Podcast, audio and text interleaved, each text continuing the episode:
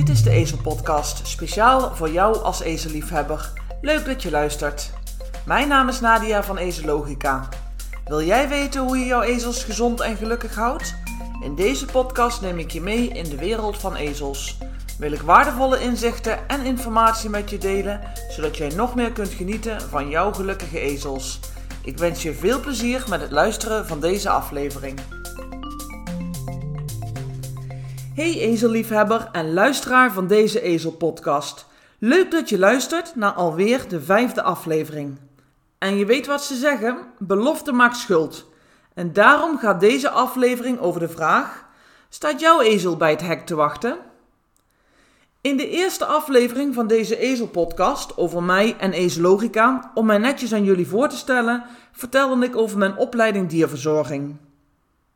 En dat ik, ondanks dat ik netjes en beleefd was, want zo heb ik dat van thuis meegekregen, was ik ook wel een tikkeltje een dwarsje student.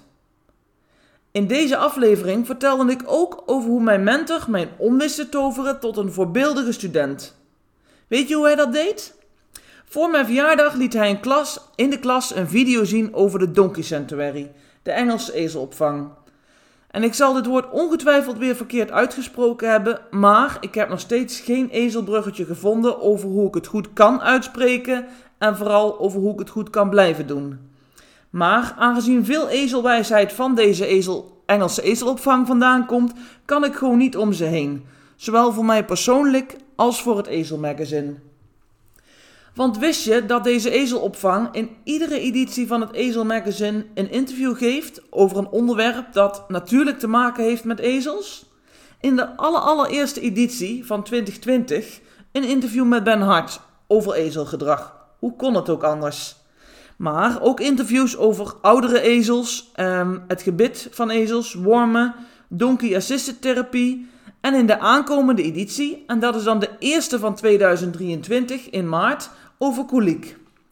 En ik maak gelijk even gebruik van de mogelijkheid om een oproepje te doen. Voor de tweede editie van dit jaar, in oktober, gaan we het hebben over atypische myopathie. Een acute spierziekte, ook wel weidemyopathie genoemd. En deze acute spierziekte is levensgevaarlijk voor ezels, muilen, maar ook paarden. Je hebt er misschien wel over gehoord of over gelezen in combinatie met de esdoorn. En heb jij nou vragen over dit onderwerp? Is er iets wat jij altijd al hebt willen weten? Uiterlijk of tot uiterlijk 1 maart aanstaande kun je alle vragen over dit onderwerp bij mij kenbaar maken. Zo ga ik mijn best doen om al deze vragen te bundelen en mee te nemen in het interview voor de tweede editie van het Ezel Magazine in 2000, of oktober 2023. Je mag alle vragen mailen naar info.ezelogica.nl. Maar goed, terug naar mijn tijd als een dwarse student. Mijn mentor liet dus voor mijn verjaardag de video zien van deze Engelse ezelopvang. En geloof mij, vanaf dat moment konden zijn lessen niet meer stuk. Was hij voor mij dé perfecte leraar en stond ik nog net niet voor de klas te wachten als zijn lessen gepland stonden op het rooster. En deze situatie doet mij dus denken aan hoe zit dat bij onze ezels of muilen? Staan jouw ezels wel eens bij het hek te wachten? Staan zij jou op te wachten of komen ze naar je toe lopen? En dan bedoel ik niet per se omdat je ze gaat voeren, maar omdat je iets met ze wilt ondernemen, omdat ze het leuk vinden om samen met jou iets te doen. En in deze aflevering ga ik met de billen bloot, figuurlijk dan natuurlijk. Want bij mij is het echt niet altijd het geval geweest. En ik ben zeker niet trots op deze situatie, maar je kunt niet alles weten en wijsheid komt met de jaren. Daarom ben ik blij dat ik het nu dus wel inzie en dat ik daar ook naar kan handelen. En ik ga je meenemen in het verhaal. Ik heb een tijd de ambitie gehad om aangespannen te gaan rijden met mijn geadopteerde muildier Mina. En als ik dan nog verder droomde, dan vond ik een twee of een vierspan eigenlijk ook wel wat. Maar hé, hey, alles tegelijk. Dit kwam omdat mijn muildieren te klein waren om op te rijden, voor mij al helemaal, en ik had een aantal jaar daarvoor vaker een tweespan zien rijden. Fred en Fleur. Kennen jullie dit topduo?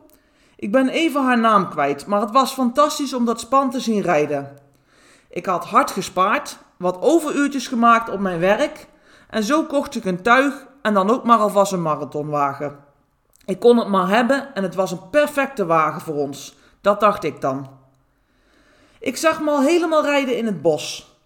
Ik zocht een instructeur, een zachthandige men-instructeur met veel geduld. Wat kon er misgaan, dacht ik toen. Met al mijn goede intentie om wat leuks te doen, dacht ik dan. Een goede instructeur zonder rare trainingspraktijken, een goed tuig, een wagen die op, in alle opzichten geschikt was voor het doel en een enthousiast, sterk meldier. Het tuigen op en af doen was geen probleem. We hadden geduldig geoefend. Nu achteraf denk ik, heb ik daar niet al wat gemist? We gingen met de lange lijnen oefenen, dus met het hoofdstel, compleet tuig erop, maar dan naar achter lopen zonder een kar. De volgende stap was een sulky, die konden wij lenen. Het voordeel van de sulky was dat de bomen vast zijn, als ik het zo goed zeg. De bomen zijn de twee buizen, om het zo maar te noemen, waar je ezel, muil of paard tussen staat. De sulky kan niet scharen, dubbelklappen als het ware. En nu denk ik hier, hier ging het dus eigenlijk al mis. Met de kennis en insteek over trainen van dieren die ik nu heb. Maar toen zag ik dat dus helemaal niet. Ook omdat ik in de wolken liep, um, reed met een happy muildier in een prachtige omgeving. En om een lang verhaal kort te maken, en volgens mij wordt het ongetwijfeld een lang verhaal, ga ik hier dus met de billen bloot. En nogmaals figuurlijk. De spanning voor de sulky liep op. Tijdens het borstelen was er meer onrust en uiteindelijk liep dat op dat ik haar nog wel uit de wei kon halen, maar niet van harte. Tot het uiteindelijk Mina helemaal niet meer uit de wei te halen was. Mina stond echt niet bij het hek te wachten, eerder aan de andere kant van de wei, in de meest uiterste hoek. En ik, ik lag s'nachts al wakker. En niet over de droom die ik had, maar bij de gedachte dat ik weer moest gaan oefenen, dat ik weer menles had. Zo kon het niet langer. Niet voor mij, maar zeker ook niet voor Mina. Zonder twijfelen, maar balen als een stekker, de wagen te koop gezet en besloten te stoppen. Het heeft even geduurd, het is ook allemaal goed gekomen, zonder mijn wagen, maar ik heb hier ontzettend veel van geleerd. En gelukkig is het tegenwoordig anders. Als ze me zien of als de muilen mij horen, het maakt niet uit waar ze staan, maar ze staan allemaal voor het in rij voor het hek te wachten. Krijg je jouw ezel moeilijk of moeilijker uit de wei? Is het tijd om jouw ezels te voorzien van een behandeling door de hoesmid of bekapper en zie je de bui al hangen? Weet je nu al dat het een strijd gaat worden, ondanks dat je een vakkundige bekapper hebt ingeschakeld? Wil je met je ezel of ezels gaan wandelen, maar ontstaat er onrust omdat je de groep uit elkaar houdt? Haalt? Moet je nu wel of niet gaan wandelen, want beweging is gezond, maar alle stress en spanning zeker niet. En het is ook het laatste wat jij wil. Hoe goed onze intenties ook zijn, hoe goed we ook voor onze ezels zorgen. Sommige dingen zijn voor, onze, voor ons vanzelfsprekend, maar zeker voor onze ezels niet. Ezels leren altijd en ezels leggen ook verbanden tussen bijvoorbeeld een handeling, een situatie of een persoon. En ik kan je dit goed uitleggen aan de hand van het voorbeeld Mina, mij en mijn, toen, mijn toenmalige voormalige droom. Voor mijn hele man-idee was het uit de wei halen van Mina geen probleem.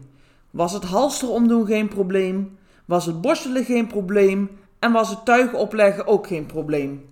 Maar naarmate de tijd vorderde en de lessen, ontstond er al wat onrust bij het tuig. Het tuig was de voorspeller geworden voor het mennen, want immers zonder tuig kon er ook geen wagen achter. En in de volgende fases waren de kleinere signalen, dat zie ik dus nu pas in, al aanwezig. Spanning met het borstelen als het tuig al klaar hing, al was het maar een paar meter verderop. Zonder tuig in de buurt ging het prima. En uiteindelijk was het dus zover dat als Mina mij zag aankomen, dat ze bij voorbaat al wegrende. Met de wijsheid die ik nu op zak heb, heb had ik het nooit zover laten komen. Het is geen kwestie van zwart-wit, wel of niet kunnen optuigen, wel of niet kunnen borstelen of wel of niet uit de wei kunnen halen. Het zijn de kleine stapjes tussendoor, de kleine signalen. En hoe klein, daar heb ik ook een goed voorbeeld van. Het is een onderwerp voor één of misschien wel meerdere podcastafleveringen, maar ik ga het kort samenvatten. In een cursus klikkertraining en keuzevrijheid heb ik als doel om bij Cato alle stress en spanning weg te halen rondom de vliegenspray. En ik zeg bedenk ik me nu weghalen, maar eigenlijk is dat al helemaal verkeerd uitgedrukt. Want wat we willen is dat we zelfs die spanning en die stress maar in enige vorm voorkomen. We gebruiken geen halster, zetten haar niet vast en we werken met klikkertraining. Positieve bekrachtiging, om het maar even een naam te geven. Waar we op een bepaald moment Cato nog vloeiend, zonder enige twijfel een pion zien aanraken, zien we bij de volgende stap in de training met de vliegenspray dat er aarzeling ontstaat. En dit is dus het punt waarop ik nu anticipeer en ook ons trainingsplan aanpas. Wijsheid komt met de jaren, zei ik je toch? En daarom staan de muilen nu te wachten als ze mij aanzien komen, of komen ze op eigen initiatief ook aanlopen. Hoe leuk en hoe fijn is het als jouw ezels al aankomen lopen voordat jij met de training kunt beginnen? Of misschien al voor het hek of paddock staan te wachten als ze maar enigszins het vermoeden hebben dat jij wat van plan bent. Dat je jouw ezels op een goede, diervriendelijke manier tijdelijk uit elkaar kunt halen. En dat je jouw relatie met jouw ezels nog beter wordt. Iets waar je tot nu toe alleen nog van hebt kunnen dromen. En omdat dit niet in één ezel magazine uit te leggen is, en ook niet in één podcast, organiseer ik dit jaar een ezeldag. Ben Hart, gedragsexpert voor ezels, muilen, muildieren, muilezels en paarden, is een van de sprekers deze dag. Het gezicht achter Harts, Horsemanship en bekend van zijn werk bij, daar heb je het woord weer, de Donkey Sanctuary. Welke ezelliefhebber kent Ben niet? En Ben gaat ons in de ochtend alles vertellen over de verschillende factoren van verlatingsangst bij ezels, Waarom zijn ezels zo close met elkaar? Waarom raken ze zo gestrest als je ze uit elkaar haalt? Wanneer is het wel of niet verstandig om jouw ezels te scheiden? En wat kun je hieraan doen en wat moet je juist niet doen? Het tweede deel van het programma met Ben Hart gaat over het begrijpen van ezels. Kijk naar de ware aard van het dier en dan begrijp je waarom jouw ezels doen wat ze doen. En hoe je de ideale samenwerking en relatie krijgt met jouw ezels. Ben zal de grond gelijk maken met uitspraken zoals: Jouw ezel is dominant, of laat maar eens zien wie de baas is.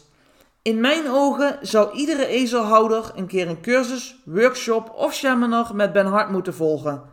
Waar vroeger op mijn basisschool een bezoek aan een heemtuin een gegeven was, zou Ben Hart dat moeten zijn voor iedere ezelhouder of iedere toekomstige ezelhouder. Want ik kan het weten na alles wat ik van hem geleerd heb en ik ben er zelfs al twee keer voor naar Engeland gereisd. En daarom heb ik hem natuurlijk voor deze ezeldag ook uitgenodigd. Het is een compleet verzorgde dag, inclusief alle benodigdheden. Schrijfmateriaal, koffie, thee, een overheerlijke vegetarische lunch, een rondleiding bij de ezelshoeven en we sluiten af met een gezamenlijke borrel. En de prijs voor een ticket is 139,95 euro per persoon. En we zijn nu al met een mooie groep ezelliefhebbers uit Nederland en België. Aankomende en beginnende ezelliefhebbers en ervaren ezelliefhebbers. Als ezelhouder weet je dat ezels oud kunnen worden. En hopelijk net zo oud als Hans Muil geworden is, met zijn leeftijd van 40 plus ongeveer. Alles wat je in deze dag leert kun je gelijk toepassen in de praktijk en je neemt dus, dus voor een hele lange tijd mee. En kom je van weg, dan kun je ook overnachten bij de ezelshoeve, zolang er plek is, of op een locatie in de buurt. Bestel je voor 1 maart 2023 jouw ticket voor deze dag, dan krijg je de twee edities van het Ezel Magazine 2023 ter waarde van 24,50 euro gratis toegestuurd. Meer informatie over deze dag vind je op www.ezelogica.nl/ezeldag. Zie ik jou op zaterdag 10 juni in Baarle-Nassau? Heb ik jou nou geïnspireerd met deze podcast? Heb jij nu een ozo-momentje gehad? Deel deze aflevering dan met andere ezelliefhebbers, zodat we samen de ezelwereld veel mooier en leuker kunnen maken. Bedankt voor het luisteren en tot de volgende keer. Bedankt voor het luisteren naar deze aflevering van de Ezel Podcast. Wil jij ook samenwerken aan ezelwelzijn? Geef dan deze Ezel-podcast een review of beoordeling in jouw podcast-app. Wil je een seintje krijgen als er een nieuwe aflevering online staat? Volg of abonneer je dan op deze Ezel-podcast. En hierbij nog een tip voor jou. Twee keer per jaar verschijnt het Ezel Magazine, het leukste ezelmagazine van Nederland en België. Meer informatie over dit magazine vind je op www.ezelogica.nl schuine ezelmagazine. Tot de volgende keer!